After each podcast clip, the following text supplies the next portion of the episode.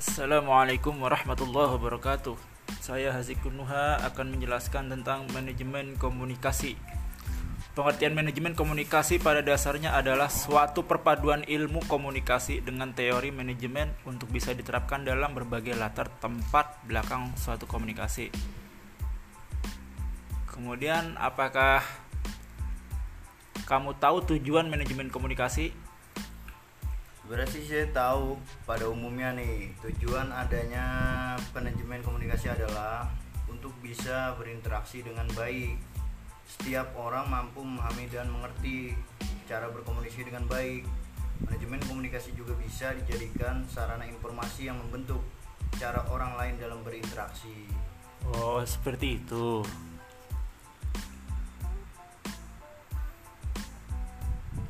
Manajemen komunikasi berdasarkan para ahli itu apa aja sih, Zik?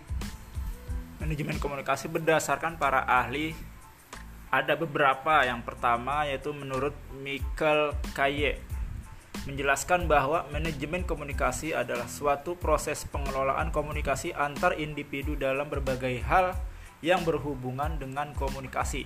Contohnya nih, komunikasi kelompok, komunikasi massa, dan komunikasi interpersonal.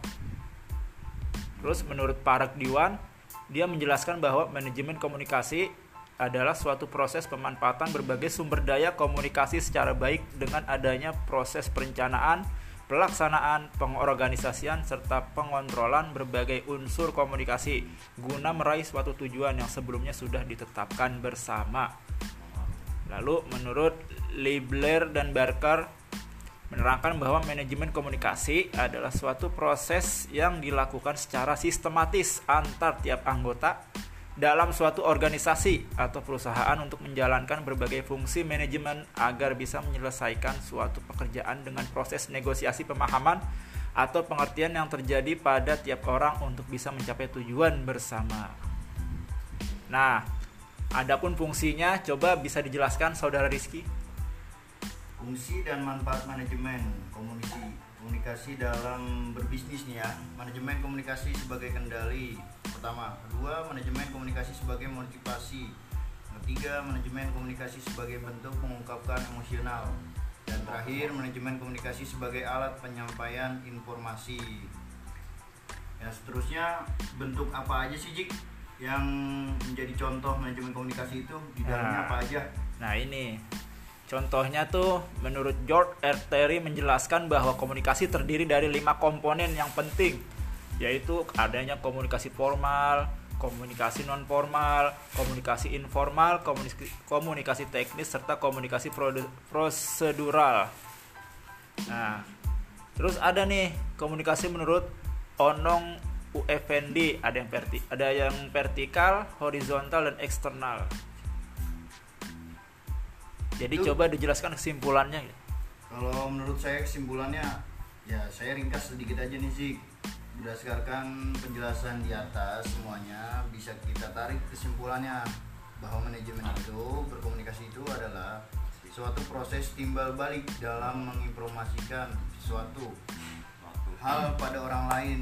Yang berbentuk nih pengelolaan komunikasi ini adalah kunci utama keberhasilan dalam setiap jenis hubungan baik itu hubungan persahabatan sesuatu suatu sahabatan nih atau kerjasamanya sih adanya Oh, iya, komunikasi yang baik maka segala sesuatunya pasti akan menjadi yang lebih rumit terlebih lagi dalam mencapai kesuksesan suatu bisnis. Nah yang keduanya itu sih lu tahu kan? Selain itu apa aja Iya. kesimpulannya coba disebutin sih Selain itu bisa mencapai kesuksesan bisnis juga diperlukan strategi pemasaran yang tepat serta Ya. manajemen produk dan manajemen keuangan yang baik. Nah, untuk memudahkan Anda untuk melakukan hal tersebut, maka Anda bisa menggunakan aplikasi akuntansi dari Accurate Online. oke Ya, itulah Cukup. Sekian podcast dari saya dan teman saya saudara Rizky. Kurang lebihnya mohon maaf. Wassalamualaikum warahmatullahi wabarakatuh. Waalaikumsalam